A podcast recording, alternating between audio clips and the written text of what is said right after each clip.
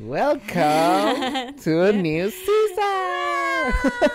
Back to life, yes! back Säsong to fyra! reality!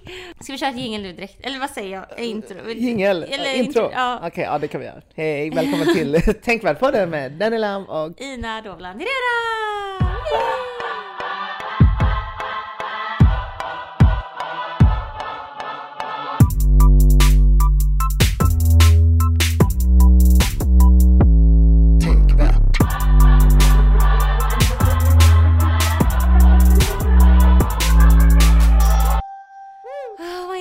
Danny, we are back! Yes, 20 officiellt. Gud vad jag känner, jag sitter helt framåtlutad mot dig som att jag borde attackera dig. Men sätt med bekvämt. Ja, jag ska göra det så här. Nu sitter jag bra. Yes. Eh, 2022, hur mår du? Gud, vänta lite, stop first and foremost.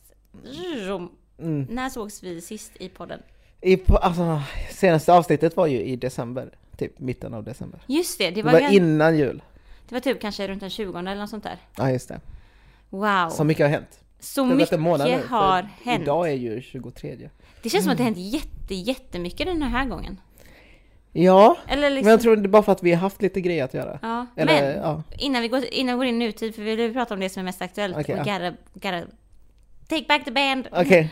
Hur var din jul? Det var nice. Eh, Mina föräldrar kom upp till eh, Göteborg. Och det, det är inte ofta det händer. Mm. Det, det är alltid barnen som kommer ner till eh, liksom, föräldrarna. Ja, Men det var kul eh, att fira liksom, jul hos min syster. Hon Mm. har en ny, liksom, ny bostad och allt sånt där. Med var, Elsa. lilla Elsa, lilla Mm, barn. så cute. Ja. Så det, det var jättekul. Men annars så, eh, ja det var liksom, vi höll det väldigt coronavänligt liksom. Det var bara vår lilla Mm. familj. Eh, så det var mysigt på så sätt. Nice. Så det var din lilla jul. Också jätteliten, det var bara jag och min mamma på jul Ja. faktiskt. För att min bror var sjuk, han hade, vet inte corona men han var Nej. vanligt förkyld.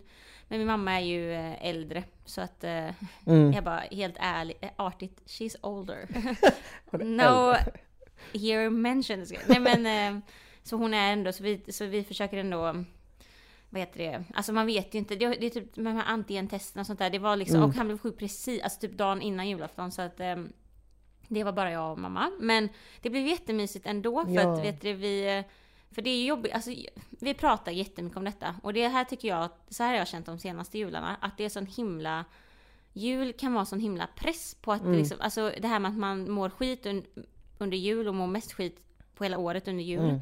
Alltså jag, jag har verkligen typ tänkt på det och analyserat det för det är sån himla press på att allt ska vara perfekt. Exakt. Man ska vara med typ så här 100 släktingar och man ska ha 100 traditioner och om man ska ha perfekt mat och man ska vara skitsnygg och lägga upp bilder på Instagram och man ska, Mm. ja, exakt. allt ska vara så här och så fort Alltså i och med att pressen är så hög så så fort någonting inte är exakt som planerat Mm.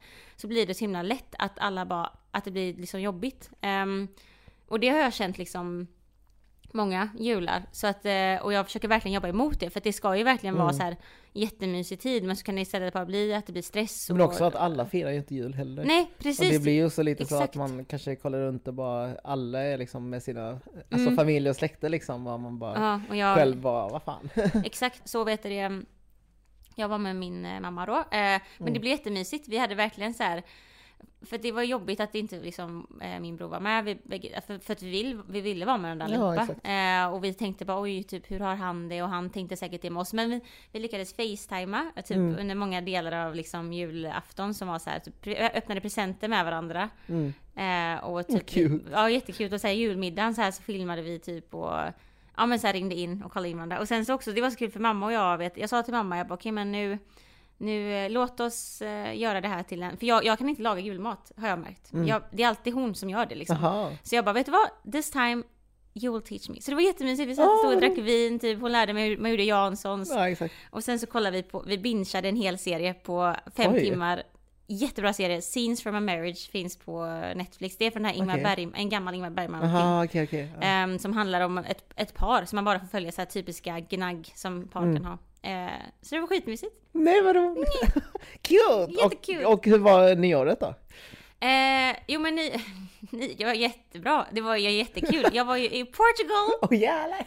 Porto, Porto Queen. Portugal! Jag vet det, för Chisco då, min pojkvän, han är Mm. ju eh, från Spanien, han är ju spanjor liksom. Hans familj bor både i Portugal och i Spanien. Mm. Everything was perfect. Alltså Portugal, Porto, vilken jäkla stad. Alltså, Rekommenderar. Så god mat, så billig mat, så fint, så coolt. Allt var bara, jag måste visa massa bilder nu för jag har inte Mm. visat er några bilder. nej ingenting. Men egentligen då det, det som var det liksom roliga med detta och jobbiga med detta var att när vi kom hem, vilket var den 2 december tror jag det var. Januari. Nej januari, förlåt, precis januari. Så vet det, mm, så var vi så här, okej han har varit bo- bortrest länge, Mm. man har ätit mycket mat, man är såhär, okej new year, nya Ja, exakt. rutiner, nu ska vi börja jobba, vi ska börja liksom så här, träna och bara Mm. så här, vara med kompisar och sånt. Så när vi kommer hem så gör vi ett antigentest. Vi, Mm. hade, vi, har, vi har alltid antigentest hemma nu som man kan testa sig Ja, exakt. någonting. För det ska man ju göra när man varit ute och Ja. rest. Ehm, och liksom vi mår jättebra och känner Mm. oss... Ja, Inga symptom. nothing at all. Nej, och så bara men- dunk, dunk, dunk, positive. Ah, nej. Och vi bara... Det här kan inte stämma. Alltså klockan tre på natten när vi kom hem typ. Vi Ja, gjorde ett exakt. till test direkt. Så vi bägge har corona. Alltså det var sjukt. Och du vet, alltså Danny, nu har jag snackat länge, men jag måste bara säga att den ångesten jag hade när jag tänkte Ja. på att okej, jag, vi har corona just nu Ja, liksom. exakt. Eh, men som vi alla vet har ju den här omikron-varianten gått runt och den Ja. är jättemilda symptomer. Vi, alltså vi hade inga symptomer alls. Nej. Eh, då liksom, men det, men det kom ändå lite sen någon dag, då blev det lite täppt någon dag Har du efter. haft corona tidigare? Ja, jag har haft det tidigare. Och då var jag skitsjuk.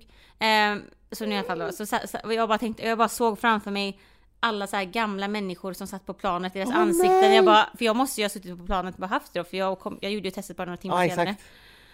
Bara, Så jag bara nej. Så att eh, efter den här romantiska resan så var vi i karantän en vecka med varandra själva Ja. i våran lilla 43 kvadrats lägenhet. Ah! First week of the year! Åh nej, vilken bra början. Nya möjligheter, karantän. Exakt, det var verkligen, det, det var en trial period. Ja, men eh, efter den veckan, så jag känner att mitt år började typ den 7 januari. Då var jag så här, då började mitt Då började, 2022 för mig. shit.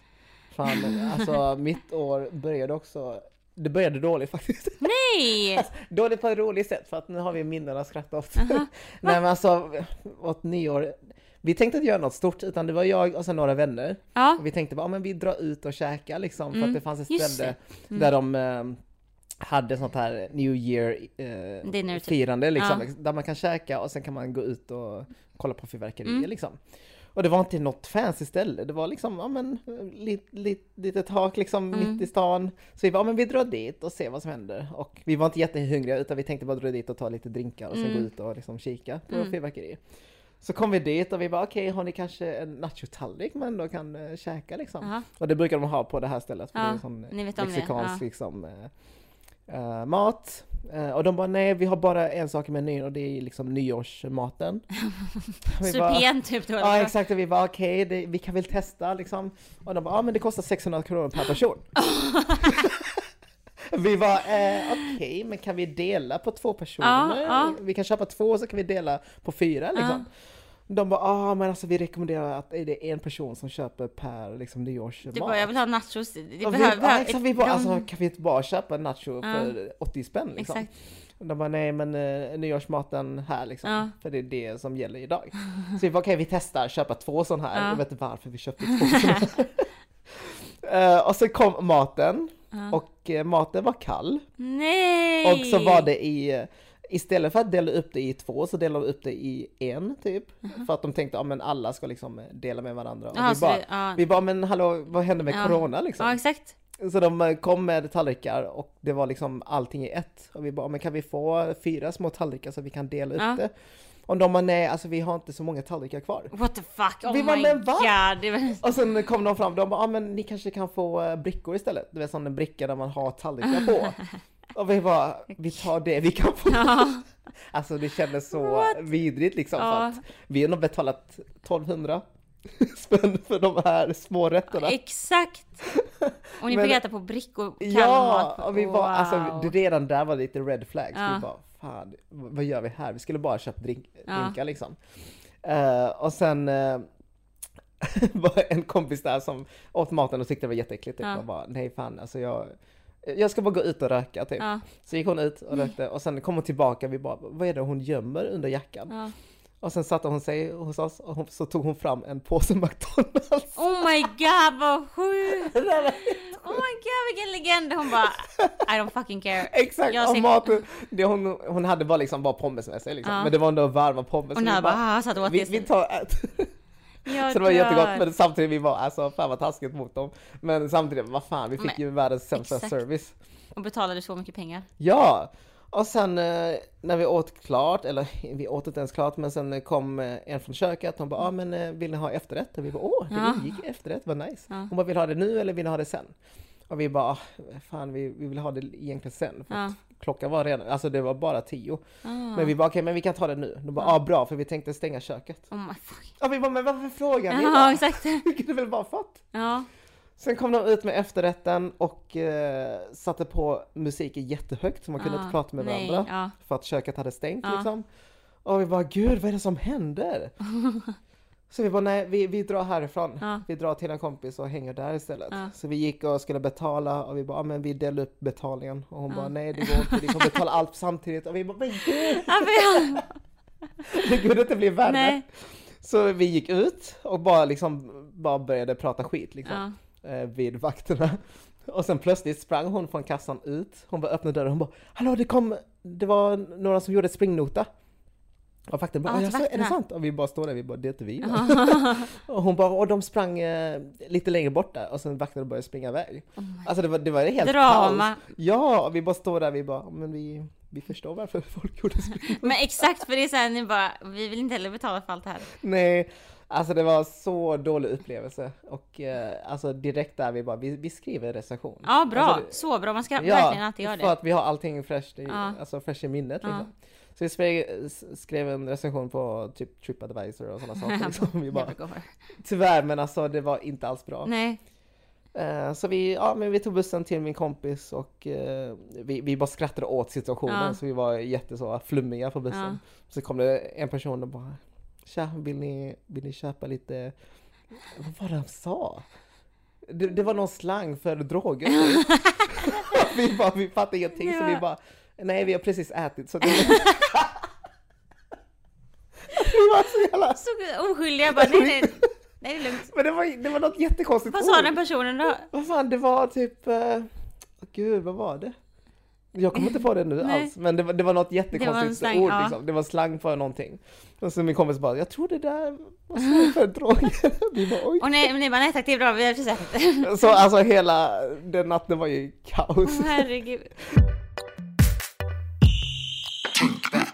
Känns som att nyår var så länge sedan. Mm, Men det var ju jag hade ju karantän en vecka där och sen så hade jag plugg. Och sen kom Och sen stack vi till Stockholm. Stockholm.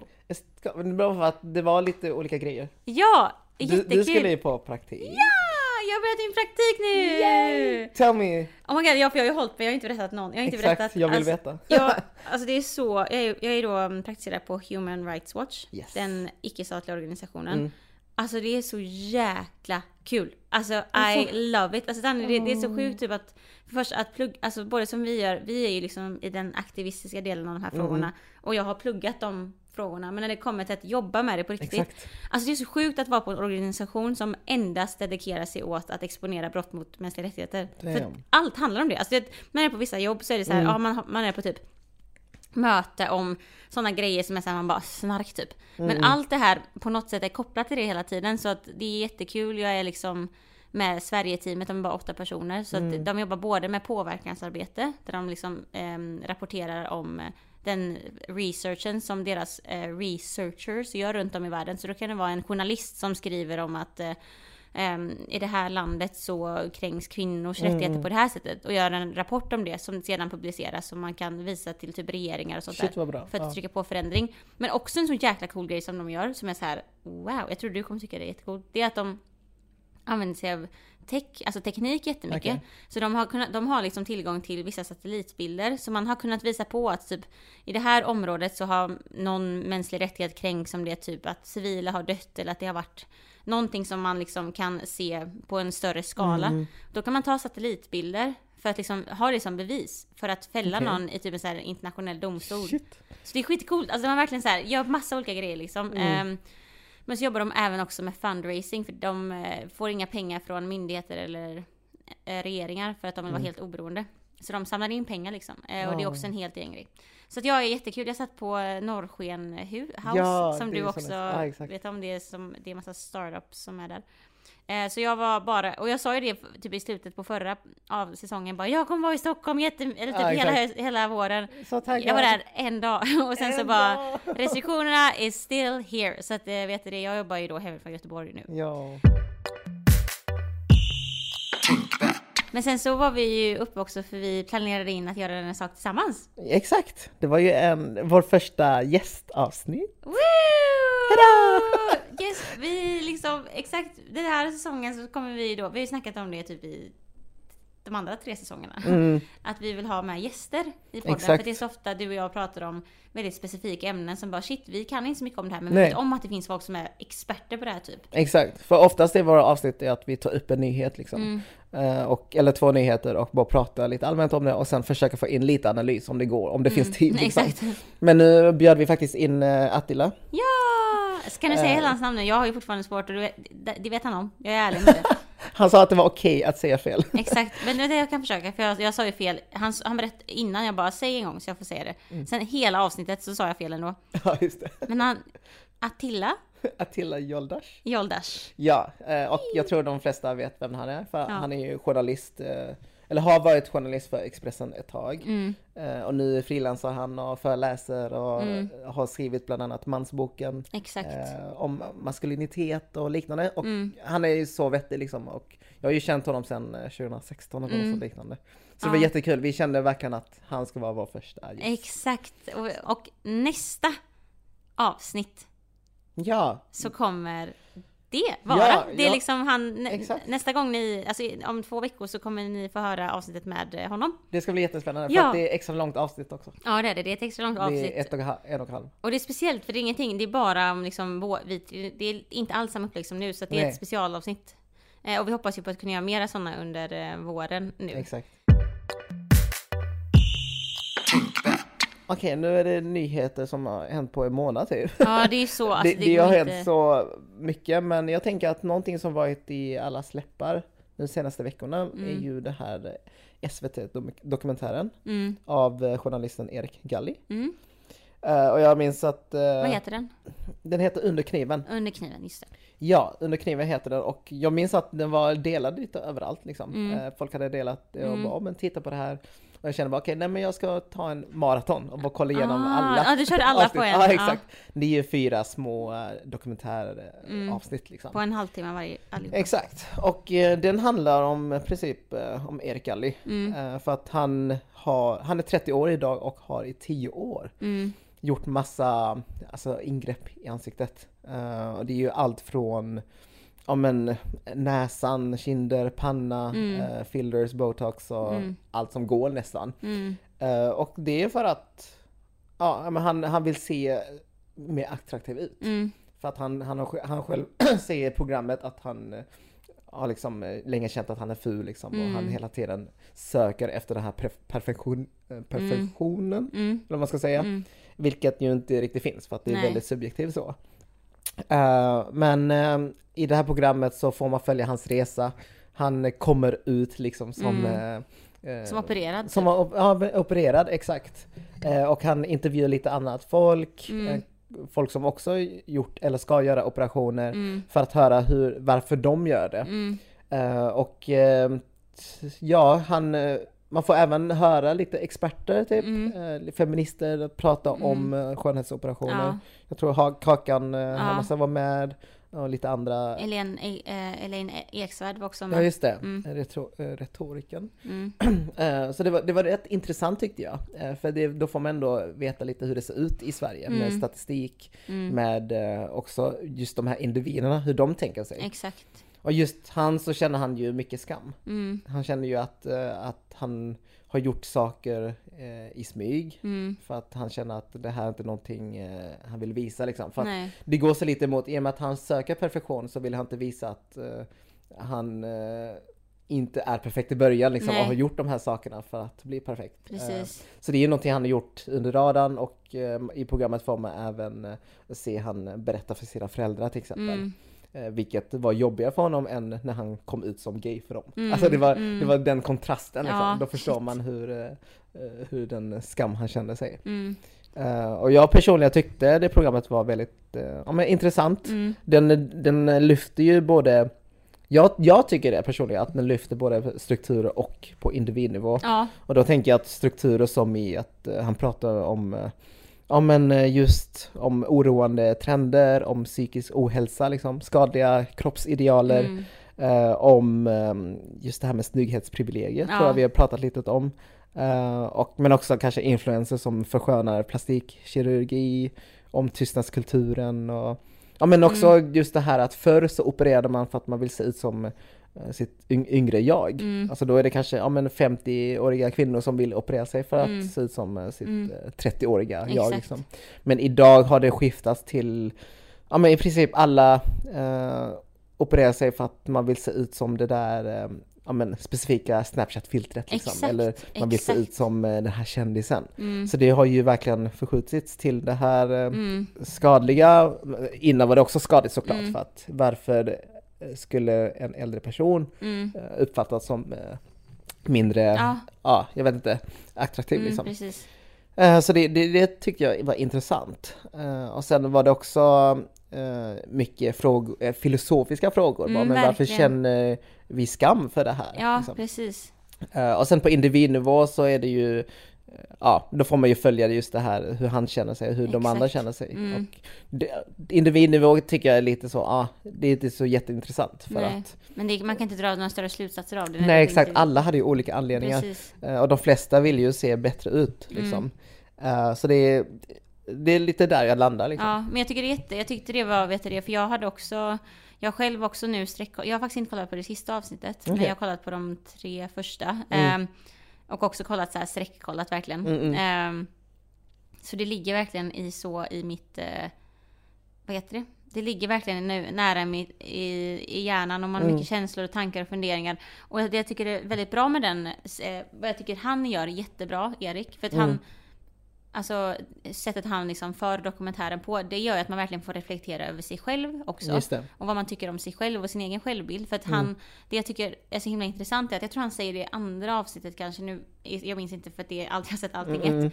Men eh, att han typ så här, bara, ja men jag, eh, han ställer sig själv frågan och bara, ja men jag skulle göra det här programmet egentligen för att ta reda på varför för det första att det är så många mer svenskar som just nu skönhetsopererar sig än Mm. vad det varit tidigare någonsin. Och varför de här människorna gör det. Mm. Och, han, och så säger han typ så här bara, det är så sjukt att jag har gått in i detta liksom för att, för jag, jag, jag har ju ställt mig den här frågan för att jag själv gör så mycket operationer. Men jag, jag ställer frågan till andra, varför gör ni detta? Utan att ens veta själv varför jag gör det. Ja exakt. Och, han, och det är så intressant att han liksom får verkligen en, det är nästan som att syftet, typ frågeställningen med hela Mm. dokumentären typ ändras lite under liksom Programmets gång. programmets gång för att han börjar verkligen så här komma på själv att han vet knappt själv och han, det är mycket tankar som han inte själv har liksom rätt ut. Exakt.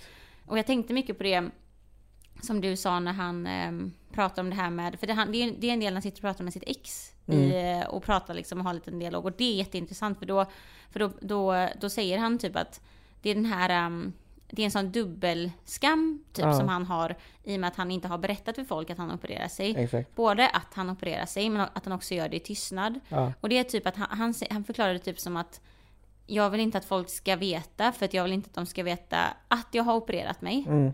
Och jag vill inte att bli sett som ett offer typ. För, för att de, han och hans ex pratar och han typ säger att Ja men du hade ju en väldigt stor äng... Han tar upp ett exempel, ex, eh, Mm. exet bara men jag minns en gång när jag skulle lägga upp en bild på oss två och Just du, eh, och du sa till mig, liksom, det var som att man nästan såg ett mörker i dina ögon. Mm. Du sa till mig den där bilden får du inte lägga upp. Jag måste Nej. redigera den först. Eh, och då så sa hans ex att det blev så tydligt hur mycket man märkte på det att det här verkligen var, det tog upp så stor del av din, liksom, ditt Ja. fokus. Eh, och det fanns en oro och en ängslighet. Och då säger hans ex, ja, och den här ängsligheten den var ju ganska osexig. Och då märker man Mm. på honom att han blir så här, ser du, What? det är det här, det, detta är varför inte jag vill berätta för folk. För, Ja. att det, för det är liksom, det är ju som en dubbelskam för att dels så är han ju inte bekväm med sitt utseende, det är därför han opererar sig. Plus att han, det är, ses som oåtråvärt att vara orolig över att någon ska veta att man opererar sig. Ja, alltså det blir exakt. så här dubbelt. liksom. Dubbelbestraffning, ja, Ja, just det. ehm, för, för i, i hans del, för det är det som är så intressant att jag, för han pratar hela tiden om att varför, varför har jag det så svårt att berätta för folk? Varför har jag gjort det här i min hemlighet? Och det känns ändå, jag har en liten teori om detta, men jag, detta kan ju, jag får se, jag får se om du Okej, köper okej. den eller inte. Eh, för att han tycker att den här dubbelbestraffningen är så jobbig. Han vill inte berätta för någon att Nej. han gör det. Men, men han gör det liksom. Mm. Eh, för han vill inte att någon ska veta att han har opererat sig. Så han håller det för sig själv, för han vill inte ses som ett offer. Nej. Men jag tänker att kan inte det vara så att han känner detta väldigt starkt, kanske mer än vad en kvinna hade gjort. Mm. För att den här, för det, har, det, det är så kopplat till manlighet, alltså destruktiva mansnormer. Mm. Att man inte vill se sig själv som ett, alltså man får inte se sig svag.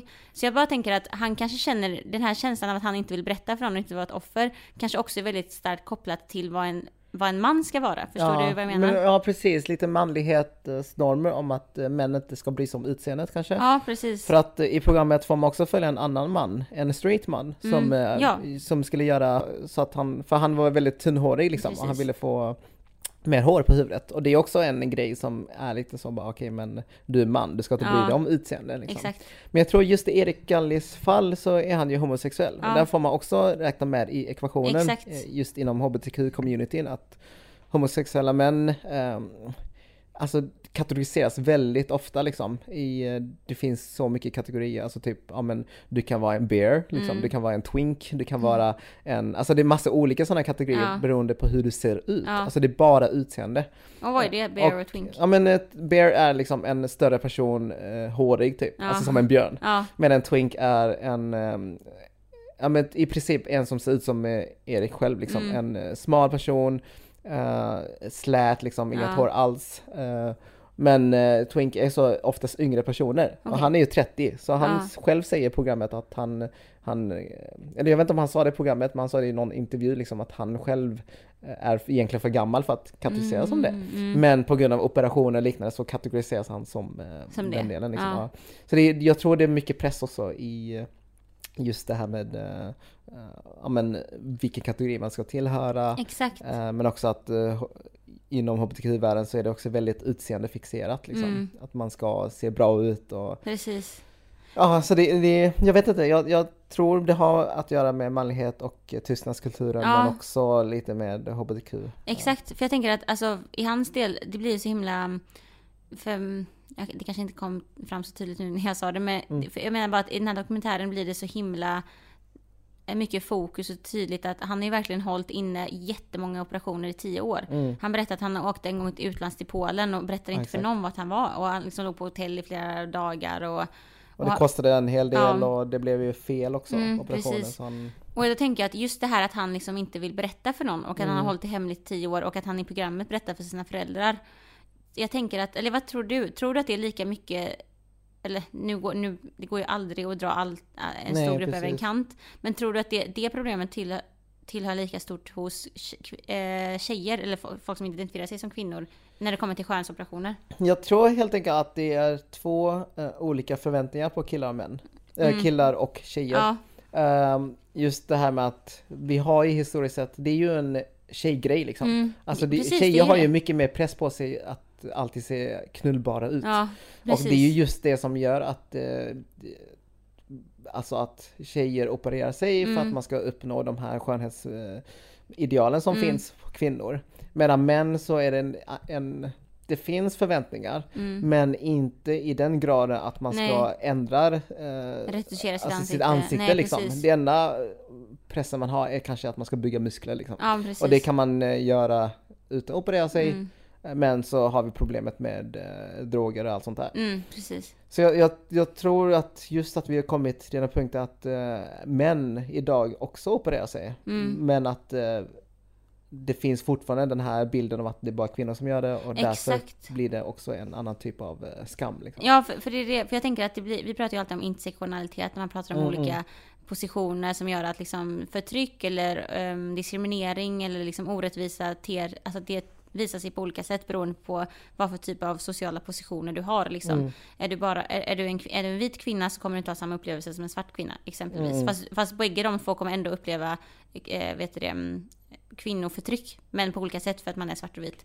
Och på samma sätt tänker jag här med ehm, operationer. Jag vet ju om, de intervjuade en, ju en annan tjej i, i intervjun som verkligen berättade att hon har ju fått, alltså hon känner sig inte trygg från hot för att hon har gjort typ bröstoperation, väldigt Mm. stor, stor bröstoperation och väldigt stora läppar. Alltså, man, alltså hon har gjort operationer där man väldigt lätt, Tydligt ser. ja, men, ja, tydligt och lätt ser att hon opererat sig. Och hon har ju sagt att hon liksom typ när hon är hemma i sin hemstad och besöker sina Mm. föräldrar så vill hon gärna täcka sin kropp för hon vill inte bli utsatt för någonting när hon är med dem. Mm. Så att givetvis så, upp, så, blir det, så, är det, ju så är det ju jättemycket skam Mm. på kvinnor.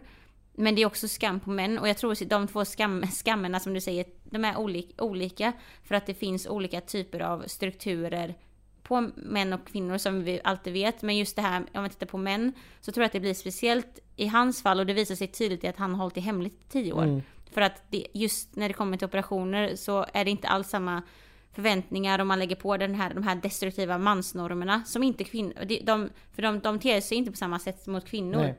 Och därför tror jag att den skammen blir så speciell och det kanske har lett till att just han har hållit det hemligt i tio år. Mm. Förstår du vad jag Men, menar? ja precis, jag tror det är olika typer av skam. Mm. Helt enkelt. Men vad, vad tycker du om skam? Alltså som koncept liksom? Ja men det är ju jätte, det är ju bara så himla onödigt. För det, vi, vi får ju det för att, vi, för att det finns förväntningar som vi själva har skapat genom sociala konstruktioner på vad som det innebär att vara kvinna eller man. Eller snygg eller ful. Eller liksom, det, det är ju skam, det känns som att det är ett resultat av de strukturerna som vi själva är med och upprätthåller varje dag. Så att det blir ju det här när man kommer till frågan om det här med att ska man normalisera Precis. köns, äh, skönhetsoperationer Mm. eller inte. Det är ju jättesvårt att svara på. Jag, tycker, jag tänkte på det på vägen hit, att jag vet liksom inte alls vad som är Nej. rätt och fel här. Och jag vet definitivt att hur jag än kommer argumentera här så kommer man få kritik. För att det Mm. finns positivt och negativt på bägge sidorna. För att å ena sidan så vill vi ju Speciellt i den feministiska kampen, Mm. låta kvinnor få bestämma över sin kropp. Jag, jag ska kunna, om jag, alltså jag ska få lov att operera mina bröst, den här klassiska boob job som Ja. alltid har funnits med, utan att man ska bli liksom pekad på. För jag, om inte jag får, om inte jag kan, om jag verkligen vill göra det och inte får det, då får inte jag Mm. bestämma över min kropp. Så jag tycker verkligen att man ska ju verkligen få lov att göra exakt det man vill. Men å andra sidan är det så himla farligt för att ju mer och mer vi opererar oss Mm. så normaliserar vi också no- att Alltså att, man, att se ut som man gör Mm. inte är fint nog. Exakt. Så det är också så här jättefarligt att liksom, ju mer man Precis. liksom normaliserar det och blir exponerad för det så, så tror jag ändå att, jag tror ändå att det påverkar skönhetsidealen och hur vi uppfattar oss själva. Mm. Så jag vet inte, jag vet faktiskt inte vart balansgången går för att det är så här, du måste få lov att göra vad du vill, Ja, men ju mer vi normaliserar det, ju mer skapar vi skadliga skönhetsideal. Exakt. Men ju mer vi förbjuder det, alltså det, det är liksom, jag tycker att det är jättesvårt. Jag har Ja. faktiskt inget, inget eh, rakt Nej svar. men jag känner samma sak och just det här med skam känner jag också att eh, det finns ju anledning till att de känner skam. Mm. Och jag tror också att det är bra att det finns skam just i, i skönhetsoperationer för att det är då vi inte normaliserar det. Om du förstår vad jag Mm. Ja, menar. jag förstår, ja. Att man känner skam Precis. att okej det här är fel. Jag vet att det är fel, det är därför jag inte vill gå ut med det till exempel Mm. med Eriks fall och vissa andra att de döljer det bara för att man, känner, man vet att det är fel. Liksom. Mm, mm, Och det tror jag är bra i sig. Men samtidigt så skapar också det här skam att man är tyst om det. Mm. Då ser vi bara på sociala medier folk som ser bra ut. exakt. Alltså bra, bra inom, inom liksom citat nu. Ehm, för att men också för att de, de ser bra ut men de pratar inte om det för att eh, det, det finns Nej. ju skam i, i det hela liksom. Så det skapar också en tystnadskultur kring de här frågorna. Mm. Eh, Så det, det är också en jättesvår balansgång där tycker jag. Exakt. Ska man prata om det och riskera att det normaliseras? Eller ska man hålla allting inne och riskera att det blir eh, att folk gör det ändå fast i smyg liksom. Mm. Så det, det är också, jag tycker det är jättesvårt i den Mm. frågan.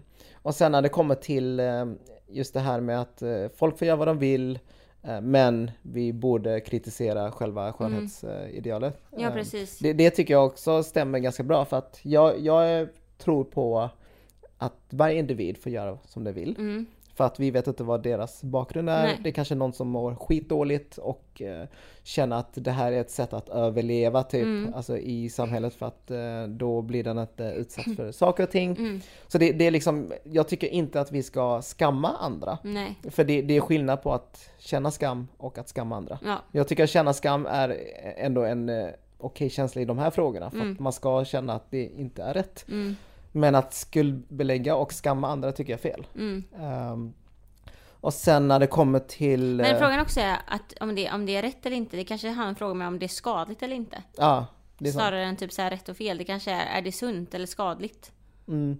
Jag något tycker också att eh, det blir också lite fel för att de som... Eh, upprätthåller liksom patriarkala normer eller så, Mm. alltså även vi som östasiater som opererar liksom double eyelids Mm. så att man ser mer västerländsk ut. Liksom. Jag tycker att det, skammen ska ligga hos de här personerna. Nej. För att de har ju bara fallit offer för just de här eh, idealen som Ja. finns. Kvinnor som opererar sig har fallit offer för liksom hur samhället ständigt påpekar, Mm. ja men din näsa är fel, din näsa är fel.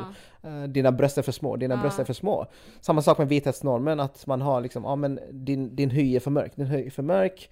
Eh, du har liksom ögon som är väldigt små Mm. eller att du har Mm. features som inte uppfyller liksom eh, exakt. vithetsnormen. Exakt. Och de här personerna gör det antagligen för att överleva bara. Mm. eh, För att de har mått så jävla dåligt av just de här strukturerna. Så jag, jag tycker att fokuset ska vara egentligen på att eh, bryta de här strukturerna liksom Mm. och bryta dem snarare än att eh, kritisera individer. Ja. För jag tycker det hamnar fel när folk på sociala medier bara, ah, men eh, det är fel på de här kvinnorna som opererar sig för Ja. att de eh, följer patriarkatets Mm. ärenden. Åh, det, alltså, att, speciellt när kvinnor själva säger den Ja, kommentaren exakt. blir jag så här. Jag, jag, jag tycker det är en form av eh, kvinnohat i alla fall. Ja. För att jag tycker att fokuset ska vara på strukturer och inte Mm. på individnivå. Mm. Men jag vet att jättemånga feminister håller inte med mig.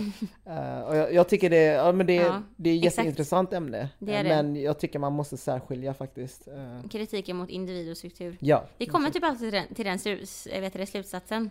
För det är Ja. ofta så. Det är ofta där det liksom klämmer att det Mm. blir riktat mot fel. Men vet du, jag tog faktiskt upp, jag har faktiskt sammans- sammanställt lite statistik som de Okej, säger ja. i dokumentären.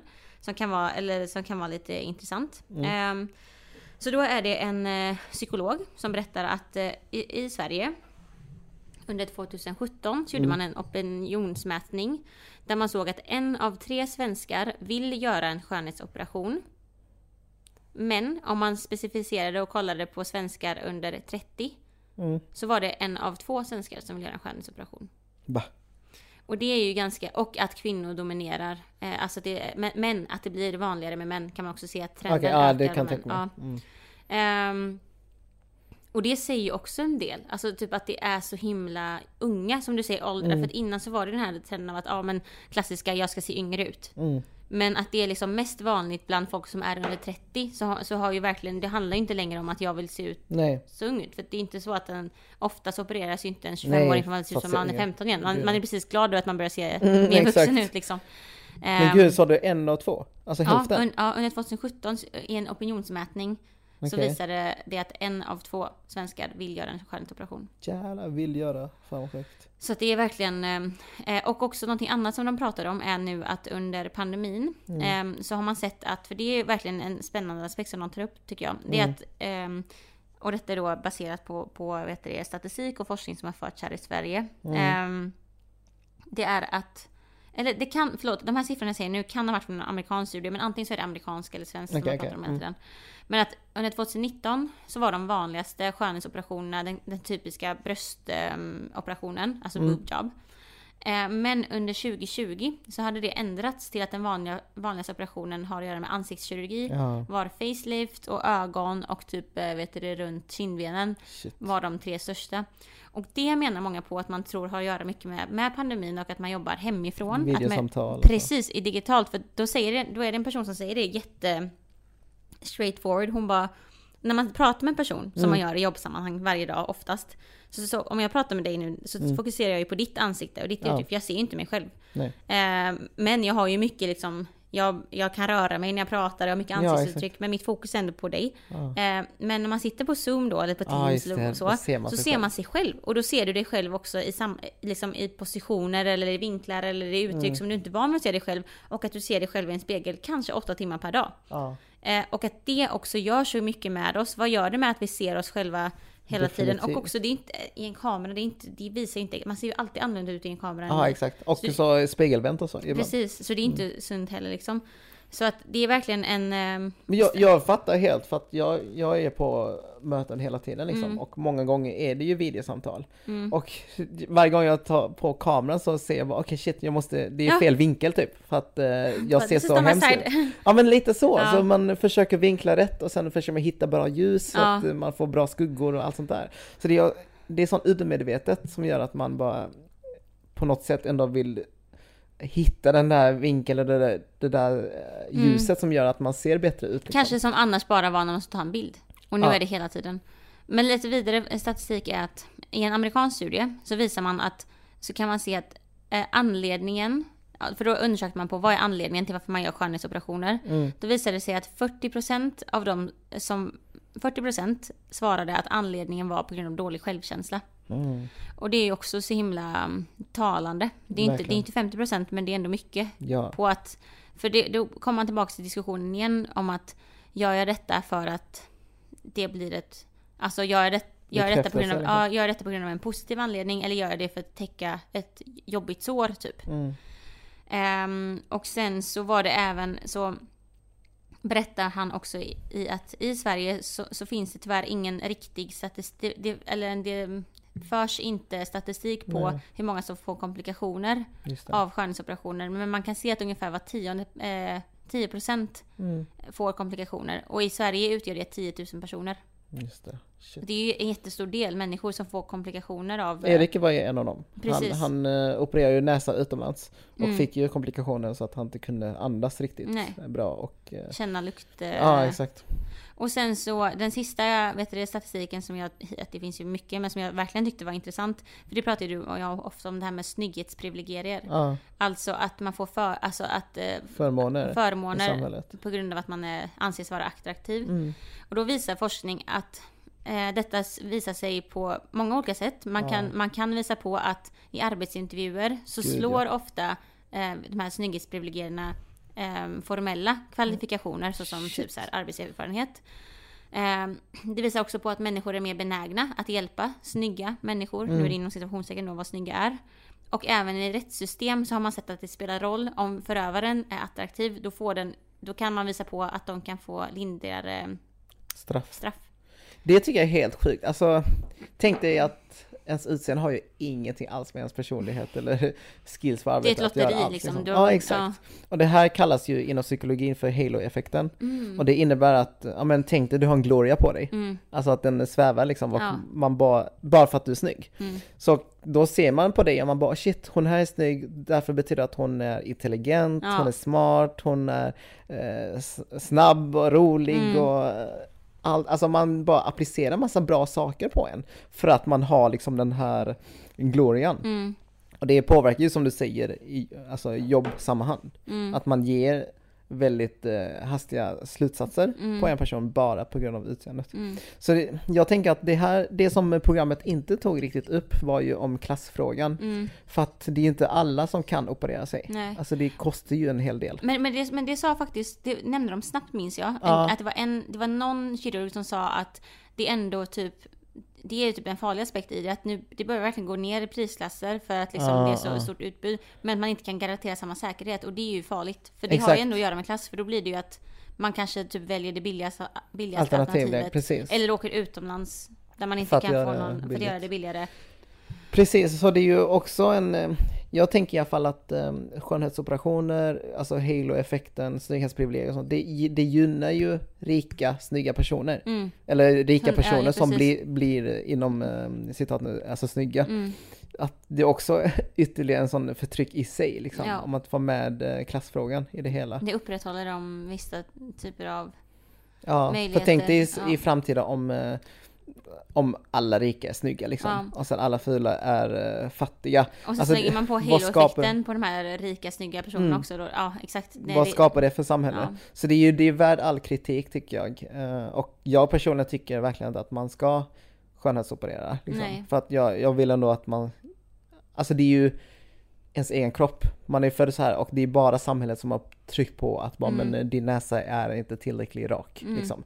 Det, är, det är bara social konstruktion överallt. Mm. Men samtidigt så förstår jag om individer gör det. Mm. Eh, och då, vi, vem är vi som ska stå och peka finger och Precis. peka pinnar liksom? Och speciellt också om den individen faller för de här strukturerna, typ som många kvinnor gör. Att man ska liksom ha stora bröst eller man ska liksom ha smal midja eller du vet. Mm. De, här, de här skönhetsidealen som har funnits med liksom i århundraden verkligen. Mm. Men Jag- ja, Jag, jag läste ett inlägg av Lady Damer ja, eh, som jag tyckte var ganska bra för att hon kritiserade ju hela programmet liksom. Mm. Eh, och eh, ja, jag vet inte vad, vad folk tycker om henne så för att jag har inte så bra koll om henne men jag vet att vissa typ cancelar henne och Ja. allt sånt där. Men eh, det hon skrev tyckte jag var väldigt intressant i alla fall. Hon skrev att, eh, nu inom citat då, förtrycket ligger i kraven på kvinnor som knullbara. Det enda feministiskt rimliga är att motarbeta både det kravet och de lösningar som erbjuds. Eh, och jag, jag tycker det är ju rätt så klokt egentligen för att om man anser eh, sig själv som eh, feminist eller Ja. antirasist, då vill man ju inte vara den som också upprätthåller Nej, de här idealen som finns. Nej. Så det enda rimliga e- egentligen som feminist eller Mm. antirasist är ju att inte eh, Upprätthålla det. Ja men exakt. Precis. Det tycker jag var jätteintressant. Det tycker jag, precis. Och jag, jag, jag håller verkligen med om det. Men så, är det också så här, typ, det, det, det som du har pratat om att bara för att man är feminist måste alla ens handlingar vara feministiska. Nej, det är det. Så det är en sån himla, balans, det är sån himla balansgång liksom. Men, men jag tycker definitivt, det, det jag tycker är jättebra och vad jag tror Mm. är att en dokumentär som den här, det öppnar ändå upp ett samtalsklimat. Ja, ja. För jag tror, jag tror att de mest hållbara lösningarna kommer komma ur att det finns ett samtalsklimat. Mm. Så att, och det är liksom, det har jag 100% tro och hopp på. Så att eh, jag tror att liksom, även fall du och jag, vi, vi kommer inte komma fram till någonting, har vi inte gjort det, vi har bara diskuterat runt det. Mm. Så tror jag ändå att alla de här små hubbarna av samtal överallt som har kommit efter Ja. dokumentären kommer... Jag, jag tycker i alla fall när jag såg det programmet, jag bara nej, jag tänker aldrig göra operationer Nej, liksom. gud nej, men, men det, det är 100, min spontana tanke Eller hur? Så Nu det är inte så fall, att den normaliserar och gör att man vill göra det. Nej, precis. Utan Alltså, snarare tvärtom tycker Men jag. jag måste säga, nu gör den det för mig. Men jag, jag vet Ah. också om att det kan ju också ändras, det vet man ju inte. Men Nej. eh, där man är just nu. Men också, för det, det sista man vill här är ju att liksom typ igen skambelägga, belägga eller skuldbelägga eller typ att åh, nu är någon svag som har fallit Mm. för trycket. Det kanske är någon som lyssnar som precis, Precis. lyssnar på det här avsnittet nu som kommer utifrån att ha gjort fillers liksom. Mm. Då vill man inte säga typ att åh, du, du Ja, du är inte för... feminist om du nej, gör så här. precis. Absolut Jag, jag tycker inte. också det, för att jag tyckte att det hon skrev var intressant, men jag håller inte riktigt med heller för att det blir en sån situation där, alltså damn, damned if you do, damned, Damn if you don't, liksom. exakt. Det blir ju dubbelbestraffning för att som vi nämnde tidigare så är det ju att Alltså de som kommer undan här, det är ju skönhetsindustrin. För- industrin. ja. De tjänar ju miljarder på det här. Eh, Och de som kommer undan är också de som redan har makten. Alltså då Exakt. pratar vi om vita till exempel, Mm. när det kommer till vithets, vithetsnormen. Alltså de som kritiseras är ju vi som eh, försöker uppfylla Exakt. eller den här Ja, idealet ja. liksom. Fast det är Alltså- de som skapar det på något Ja sätt. men exakt, alltså om jag gör double eyelid så kommer jag få skit för att, om men titta, du kan inte vara antirasist. Nej, precis. du exakt. upprätthåller vithetsnormen. Ja, Jag får kritik, samtidigt så får inte den vita strukturen Nej. kritik för att eh, det är ju där fokusen borde ligga exakt. liksom. exakt. Så Och- därför tänker jag bara, okej, men det, det är helt, det är egentligen sant att det rimliga är ju att motarbeta det kravet. Mm, men få, eh, den skulden eller det ansvaret ska inte ligga på eh, de som Som för ofta kanske faller offer för det. Ja, Eller precis. inte faller offer, men som är benägna till det på grund av Mm. olika anledningar. För att man inte faller in i normen, normer kanske. Ja, så här är också liksom särskilda strukturer Ja. och individer igen liksom. återigen. Exakt. Men fan det, Det är jäkligt svårt. svårt. Men jätteintressant. E- tack Erik för att du gjorde den här dokumentären. Ja men verkligen. Skitbra, Eh, alltså så viktig och får en verkligen att tänka. Och Mm. otroligt modigt. På tal om, eh, vad heter det, mm, Utseende. det utseende. Ja. Så har ju du även skrivit två inlägg som blev väldigt, andra nu idag, Ja. veckorna, som har blivit, som var väldigt starkt sammankopplade, som ändå är lite likt på något sätt det vi har pratat om nu. Och det är Mm. de här ämnena om eh, klädkoderna. Precis, det är en, eh, en skola, en friskola som har Mm. fått mycket kritik nu de Mm. senaste dagarna kan man säga. Mm. Och det, är, det handlar om engelska, den internationella engelska skolan. Eh, om en klädregler som de har, som eh, har kommit upp på ytan Mm. igen liksom. För att de har haft det jättelänge, Mm. de här klädreglerna. Och eh, de här klädreglerna handlar bland annat om att eh, ja, men tjejer ska ha kjolar som går längre än eh, En Ja, armlängd typ. Ja men en armlängd, precis. Ja. Det finns lite regler på att man ska stå rakt ut och sen hålla liksom eh, hand, äh, armen Ner. bara rakt ner Ja. och knyta näven. Och där, från näven till liksom benet, det är där kjolen inte får vara längre, äh, får vara kortare. Alltså det, det, det är det som gör det att det blir lite absurt för Ja. att eh, det finns ju fall, eh, vittnesmål, där folk går ut med att ja, men, eh, det är lärare som liksom gått fram och börjar mäta liksom Ja. hur eh, min kjol sitter eller det är folk som kollar in liksom, Mm, eh, vuxna som kollar in och sexualiserar liksom Ja. de här barnens kroppar. exakt. Eh, och det är ju där kritiken främst ligger. Mm, så det, det tyckte jag var jätteintressant och jag försökte lyfta det liksom eh, Mm. på, på kontot. mm. Det fick väl ganska mycket interaktion också. Det Mm. var, var inte många också som skrev att jag har gått på Engelska skolan och det... Ja, så folk började skicka liksom eh, vittnesmålet till mig Ja. på DM eh, och jag delade det och då kom det ännu fler för att folk såg att andra gjorde det. Ja, Så det var jättemånga som bara fan det här hände mig eh, 2009 typ när jag var 13 år gammal. herregud. Att eh, det var vuxna män som verkligen gick fram och bara hallå din, din kjol eh, är för kort eller att du Mm. får inte visa axlar eller Nej, du vet sådana, alltså Mm. väldigt sexualiserade barn liksom. Mm. För att det är fortfarande barn vi pratar om. exakt. Så det, det blev ändå en stor grej för att folk eh, ja, men hörde av sig och eh, kände bara att, att det är först nu de faktiskt reflekterat över hur Mm. fel det varit. Mm. För att de, de fick ju kläder av skolan när de ansågs Ja, ha på sig för utmanande kläder. De har väl typ svart, alltså var det inte någon artikel som skrev att till och med en, en engelska skola i Täby, Mm. att de hade typ Svarta, här leggings, som de delade ut liksom. Ja, om det är för kort. Exakt. Så ja, vad, vad känner du när du Nej läser? men, det, nej men det, alltså engelska skolan har ju haft en, de, har ju, de är ju ofta, ganska ofta i blåsvädret, det har man ju märkt, det är ju också, det, det är en friskola. Mm. Eh, och det har varit mycket så här, snack om pengar och, Just det, och, och det, om alltså, hon, att det har varit liksom, det har varit mycket pengar som man inte kunnat, eh, vet det, eh, account for. Alltså man Ja, inte exakt. redovisat rätt, rätt och sånt där och att det liksom, det var någon, alltså om man bara söker på engelska skolan så kommer det upp ganska mycket olika rubriker och det var Gud typ, ja, speciellt hon eh, grundaren. ja grundaren, vad heter hon, Barbro, Barbara, ja, Ja, grundaren. Ehm, för jag läste också att, ehm, vad heter det, ehm, eh, för jag började kolla på, um, jag läste runt på inlägget och så här i media liksom vad som sägs. Och även, även grundaren då har ju typ i ett reportage om henne i DM, så under tid, då var det en reporter som följde henne. Mm.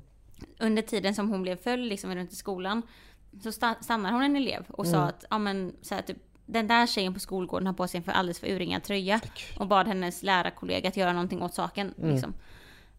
Göra någonting åt saken. Det är Ja, så här, bara vad då? Men eh, jag läste faktiskt två stycken artiklar eh, Mm. om detta som lyfte en väldigt intressant aspekt i det som jag inte själv hade tänkt och bara hmm, jag vill veta, jag vill se vad du tycker Okej, om det. okej. Mm. För då är det många som menar på att sådana här typer av klädkoder som finns, för detta, de här klädkoderna handlar ju om att ja, men, det får inte vara för korta kjolar, för korta Mm. shorts, det får inte vara för urringat, Precis. man får inte visa bh-band. Mm. Att detta på något sätt upprätthåller en hederskultur mot Mm. tjejer. Sant. Det är två Det artiklar som jag, som jag, ja, som, för det handlar ju, för vi, och då, tänk, då började jag tänka på det, för du och jag har ju pratat om hedersförtryck Ja, i, tidigare. Vi har både haft ett, eh, eh, vad heter det, ett rum på um, Clubhouse, Ja. där vi intervjuade en tjej som väl, kunde väldigt mycket om detta. Mm. Eh, och vi har även pratat om det i poddavsnitt. Och då tänkte jag bara, att- för att bara snabbt då, det här med heders, Ja. eh, vet det, förtryck bara för att liksom vi ska, eller för hederskultur. Så Ja. jag har bara snabbt tagit ut här eh, vad Sveriges regering, för de har väldigt kort beskrivning på det. Okej. Eh, där säger man att med hederskultur så menar man de patriarkala föreställningarna som tar sig uttryck i kontroll av flickor och kvinnor som sträcker sig från begränsningar i vardagen rörande klädsel, umgänge och rörelsefrihet till begränsningar i val av utbildning, arbete, äktenskap och äktenskapsskillnad. I sin mest extrema form kan hedersnormerna leda till allvarligt brottslighet såsom till exempel hot om våld och våld, inklusive dödligt sådant. Shit. Nu är det här en väldigt kort beskrivning och det finns också Mm, många, mm. vi har pratat om det finns ju massa olika typer av kulturell, Nivåer liksom, och- ja, social, det finns jättemycket och det, det ska man verkligen inte ta lätt för nu och veta om att nu pratar vi i väldigt generella termer. Mm. Men Fan, det är ju sant. Alltså, Exakt, det- jag har det- inte tänkt på att de upprätthåller faktiskt den här eh, hederskontexten liksom som finns. precis, för man pratar ju om strukturer som har att göra med som hur, en, hur ett kollektiv eh, bestraffar tjejer och eh, kvinnor för hur, det, hur sättet de beter sig Mm. på något sätt liksom riskerar någon annans heder eller respekt. Exakt. Och man pratar ju här att i, för jag har också läst också att eh, hon, hon har ju svarat eh, rektorn för Mm, skolan på det här Just och det. sagt, argumenterat för att nej men vi håller jättestarkt på de här klädreglerna, de har funnits i 30 år. Exakt. Och det, det är för att vi vill förbereda eh, de ungdomarna för, För arbetslivet. ja. För att man, för det ska handla om att man inte ska klä sig på något sätt som stör uppmärksamheten av Mm. sina kollegor eller liksom så. Men grejen är att det handlar ju bara om att tjejer inte ska klä sig för, visa för mycket hud. Ja, exakt. Egentligen vara för lättklädda för det finns längdskillnader Mm. på hur lång kjolen får vara och så. Och det är ju verkligen två grejer här som är så himla intressant. Du nuddade den ena. Den ena handlar ju om att man faktiskt sexualiserar en tjejs kropp. Mm, mm. Igen, det här med min, alltså, som vi pratade om tidigare. När får jag bestämma min, att min kropp ska vara sexuell eller inte? Mm. Att jag visar, att jag typ har på mig en tight t-shirt som, där man väldigt tydligt ser mina bröstvårtor. Mm. Ja, det skulle kunna vara sexualiserande om jag vill Mm. att mina bröstvårtor ska i, det, i den sammanhanget vara det. Men det skulle också bara inte kunna vara det. Nej. Men jag får ju aldrig bestämma det själv, utan Nej. det ligger alltid i betraktarens ögon. Ehm, och det är lite samma sak här, att med de här klädkoderna så dels så väljer man att bara för att du har på dig en kort kjol så är du sexuell just nu. Mm. Det, det är ett antagande som finns i att en för kort kjol är inte, anpa- alltså inte Ja. passande för de andra, specifikt de manliga kollegorna. Precis. Men också det här att det ska finnas en skam mot Mm. att om du klär dig med för lite kläder så får du en bestraffning. Du Ja. får ett samtal hem, eller du får, du blir avstängd för den här lektionen. Mm. Ehm, och sen så vet jag också att de, de här klädskoderna, det handlar inte bara om med typ för korta kjolar, det handlar också om att man inte ska ha för baggy byxor på sig. Oh my god. Och det går lite i linje med vet, den klädkoden som finns på Jensen Jensens gymnasium. gymnasium, att man inte ska ha på sig en eh, becknarväska som man kallar Ja. det, eller liksom en sån här, ett fanny pack, för Mm. att det, ser ut som en kriminell klädstil. Eh, och i de här artiklarna också, ska sägas att det här är ju debattörer liksom som har e- egna åsikter. Ja. Eh, men då, i dem så pratar man också om att det här är ett sätt för friskolor, för det är ju friskolor som kan få in de här klädkoderna. Ja. Dock så som du skrev i inlägget så har ju föräldrarna skrivit på detta och även Ja. eleverna. Men då är det också så här bara, man får lägga in en mak- maktaspekt i det. När jag gick i åttan och, blev, och så skulle skriva på lite papper i skolan Mm. och inte hade min mamma med mig. Alltså jag läste ju knappt igenom, det var så här, skriv på det där nu, så gjorde man ju det. Eh, inte för att jag skrev på något sånt, men jag menar bara att det var ofta man fick skriva på typ så här, nu ska du lära dig om en datapolicy. Typ, Ja, eller- exakt. Och sen bara skriva på. Ja. Mm. Ehm, men jag menar bara att ehm, det är lite sam- Då menar de här debattörerna att friskolor, det här är ett sätt att selektera Mm. vilka typer av elever man vill ha. Exakt. Vill man ha en elev som, som inte klär sig i pösiga byxor och Ja. becknarväskor eller tjejer som har på sig för korta kjolar och sånt där. Det är verkligen ett sätt att selektivt välja ut och då så, de går väldigt långt i den här kritiken. De börjar prata om att det har att göra med marknad och vinst för att en elev med bättre betyg eh, Ja. Den går väldigt långt den. den Men det är också lite halo-effekten den där, tänker Ja jag. men precis. Alltså de, de vill ju ha elever som, alla ska se likadana ut, man ska Mm. klä sig, alltså nästan i princip, alltså skjorta och välklätt liksom. ja. För det ger ju en bild av professionalism Mm. liksom och det, inför arbetslivet så vet vi ju att det finns ju den här halo-effekten att man faktiskt kommer att anställa en person som har kostym på sig och Exakt. ser bra ut. Eh, trots att den kanske inte har samma meriter som någon som eh, inte klär sig Nej, eh, exakt. så liksom. Och jag tycker att, alltså den största skillnaden är ju att eh, det är ju barn vi pratar om. Mm. Och det blir ju någon slags begränsning för barn för att kläder är ju ett sätt att uttrycka sig och att man bara får experimentera. Eh, Och genom att begränsa det så kommer ju barnen inte kunna liksom uttrycka sin Nej. frihet på så sätt. Och det är alltid flickor och ja, men arbetarklassen som Mm. eh, påverkas av de här eh, begränsningarna. Eh, speciellt som du nu säger just med Jensens grundskola, att det handlar ju ändå om invandrarkillar liksom. Mm, det är det man att de till. reglerna är ju till för att begränsa dem. Mm. Det är för att man tycker att ja, men, becknarväska och mjukisbyxor och sånt, det är ju Kriminellt. low class liksom, Ja. men också att det har med eh, Kriminalitet. kriminalitet att göra. Mm. Eh, Så det är alltid när det kommer till klädkod och eh, begränsningar så är det ju faktiskt flickor. Och när det handlar om pojkar så är det invandrarpojkar. Ja, precis. Det är egentligen helt sjukt att man ens typ kan tycka att en kjol är för kort på ett, på en, ett barn som är en flicka under 18 år. Mm.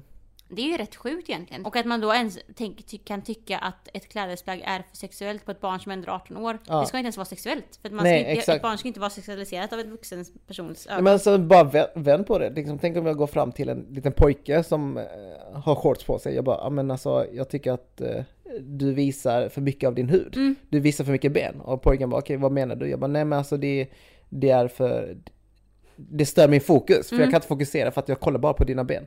Alltså förstår du hur Helt- fel det hade exakt. blivit? Men nu är det så normaliserat när det kommer till flickor att man bara, men det är väl klart att hon ska täcka sina axlar för hon är väl ingen eh, slampa liksom. Mm. Nej precis. Alltså det, förstår vi pratar om barn Det här. är helt sjukt. Och, om, och nu kanske om, om någon säger nu att nej men det har inte med grundskola att göra, det är bara gymnasiet. Man är fortfarande inte 18 år när man går i ettan på gymnasiet. Man, Ja, nej, tro mig, det handlar också om grundskolan. Precis, Alltså, ja. eh, både Jensens men också liksom just det här att jag har fått massa DM och det är folk, alltså det är 12-åringar liksom. Eller, Men det är helt. Det är- Alltså nu blir jag helt, nu, jag börjar få en sån här, så här du vet, wow upplevelse. För jag tänker att, att man ens, de här, att de här klädkoderna finns för folk som är under 18, det borde Mm. inte finnas. För att en, alltså, jag, jag, kan, jag kan ju ändå förstå på något sätt om det handlar om barn sinsemellan. För man kan ju Ja. få, man kan känna sexuella upplevelser under man är 18 liksom. ja, ja, ja. Men det här ska ju också, men det är ju, det är ju lärarna som säger till barnen. Ja, Och de är ju över 18. Så på vilket, när kan ens en person avgöra att det är sexuellt?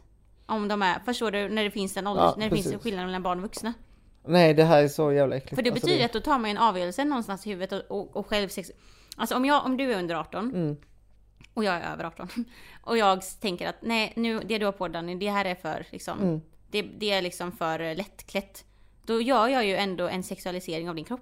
Ja, det, det är det som sker ju. Och det är det de har fått kritik för. Ah, Eh, och det är händer ju mycket i USA också liksom. Mm. Och eh, många säger ju, ja men varför inför vi inte bara liksom kläduniform? Mm, Och jag, jag vet inte vad jag tycker om det heller. Jag tycker att det också blir problematiskt just att man kan ju inte heller uttrycka sig hur Nej. man vill. nej. Men också att ehm, många säger, ja men det motverkar mobbning till exempel och också att man motverkar liksom det här klassismen liksom. Mm, att man mm, ser att, ja men de som har märkeskläder ses upp till och de som inte har märkeskläder Mm. ses ner till liksom. Och att man förstör den här ehm, Mm. maktobalansen. Men samtidigt, jag vet inte fan, jag tycker ändå att ska man förstöra det, alltså mobbning kommer ändå ske oavsett om, det har, om alla har på Mm. sig kläduniform eller inte. Så jag tycker att fokus borde snarare ligga på att prata om liksom, eh, kläder, och stat- Mm. kläder och status och så, snarare Precis. än att införa en eh, monoton eh, ja, men en klädkod för alla. Exakt. För att det är inte så att vi går runt och bara, nej men du får inte lyssna på eh, en viss musik, för Nej. att då kommer du bli mobbad. Nej. För att, alltså det är inte så vi precis, gör liksom. precis. Samtidigt så går vi inte heller och säger, ja men eh, Alltså engelska skolan går ju inte heller runt och bara, "Ja, men eh, du ska inte få lyssna på Marcus och Matteus som Nej. är som barn Exakt. för att vi vill att du ska förberedas inför arbetslivet. Nej, precis, precis. Alltså de- går ju inte in på det, utan nu handlar det bara om kläder. Exakt. Alltså det, det, det är bara, jag tycker det argumentet faller liksom för att Eh, det finns så mm. mycket annat de inte gör. Nej, precis. Nej. Och också, också det här att om man tänker på att, ja men om man går tillbaka till argumentet att vi förbereder dig för arbetslivet. Mm. Ja, fast vi har ju också skapat de sociala strukturerna och konstruktionerna om vad professionalism innebär. Ja, Det är ju alla, alla det är jobbar ju inte alltså- heller på kontor där Nej, alla alltså ska vi- ha kostym på sig. Och vi, det är någonting vi själva har skapat. Att Ja. jag, vi, det är någonting som vi upprätthåller. Om jag, så- alltså, och, som vi sa innan, att man ska liksom försöka synliggöra och eh, jobba emot de här normerna. Mm. Då är det typ så här. Alltså ju mer vi går med kostym Mm. på arbetsintervjuer, ju mer är det det som kommer krävas för att Mm. ser professionell ut. Och vi hade ju inte behövt förbereda oss för arbetslivet som unga om de Nej. strukturerna inte hade funnits. Nej. Och det är också en klassfråga, säger. Alla, har, alla har fan inte råd med kostym. Fattar du det är idag liksom? Allting, men jag menar bara allting går bara i, allting är, alltså det, hennes, ja, det argumentet faller ju också platt för det är så här bara, ja men vi gör det för att vi ska förbereda oss för arbetslivet. Ja men vadå, vi har ju skapat de här ohållbara strukturerna som finns vad, vad, vad som innebär professionalism. Så att, Och varför gäller det bara kläder? Varför gäller det inte liksom, Exakt. ja men, eh, jag vet inte, maten man äter ja liksom? precis, och också Om barnen gillar pannkakor, ska de inte få äta pannkakor för att vuxna ä- inte äter det så ofta liksom? Man bara, men vi ska förbereda er för inför arbetslivet. Och så här bara, vad innebär med professionalism typ? Vadå att man är smart? Så att bara, ja men då kanske jag egentligen bara ska komma med second hand-kläder för att jag är smart nog för att förstå att vi är en klimatkris. Ja exakt. Alltså såhär bara, det kan gå hur, alltså... ah, nej, ah, ah, jag, jag vet inte, man helt, blir fan... eh, Nej, nu jävlar. Vi sätter, eh, men jag känner bara efter eh, de här två ämnena Ja. så, så det har varit väldigt påtagligt i början av 2022 att snygghetsprivilegier, Mm. hur vi ska klä oss, hur vi uppfattas i, i offentliga rum, det är bara socialt konstruerade, ofta tycker jag, mer destruktiva än positiva normer som vi har Ja, just nu i alla fall. definitivt. Och det är väldigt tydligt i både under kniven Mm. och i de här um, artiklarna om klädkoderna. Exakt. Ah, Danny, vi kunde inte börja den här säsongen med att hålla oss korta. Nej, det kunde vi faktiskt inte. Men det är okej. Det är okej okej. för att nästa avsnitt är lite speciellt. Exakt! Då är det gästavsnitt. Så då, då, då, det, då känns det okej att ha långa. Ja, gud ja. Och det känns så kul att få vara tillbaka här och få diskutera sönder ämnen. Mm, Jag typ, det känner jag att jag inte gjort riktigt nu de senaste när jag varit ledig. faktiskt inte. Vi hade kunnat suttit en Nej. timme till och bara pratat om samma sak. Liksom. Exakt. Vet du, jag fick faktiskt, jag pratade med en kompis innan vi avslutar här nu, bara för att få med, och som jag inte pratat med på länge. Och Mm. hon eh, vet, det är jättehärlig, jag kommer träffa henne snart, en vän. Och hon sa att det är så härligt att lyssna på er podd, för ni har alltid så fnissig energi. Är det- Alltså det är kul att kunna tillföra det till folket där ute. Men det, det märks för att ibland är vi fnissiga, men sen när vi pratar om någonting som vi verkligen brinner för, vi bara helt som seriösa. Jag bara, vet. Exakt. Men gud vad gött, Danny, det var jättekul. Good to be back. Ja, Jag- faktiskt. Även fall det är jäkligt jobbiga ämnen och vi liksom har mer frågetecken än vad vi hade när vi började prata. Mm, It's good to be back. faktiskt. Och det är skönt att du är i Göteborg också. Ja, det tycker jag med. Ja, det hade varit jobbigt om du varje vecka skulle Det hade varit det. Det kan, precis, vi får se hur det blir nu i framtiden. Men det är Mm. good to be here a, a bit more. Jag tror det är ödet faktiskt. Antagligen. Men hallå, vi ses. eh, Nej men, ja men vi ses. Ja, vi ses när vi ses. Men vi hörs om två veckor också och då har vi med oss Attila! Attila, Swagtilla Joldas. Swagtilla Jollo där. yes, men då hörs vi då.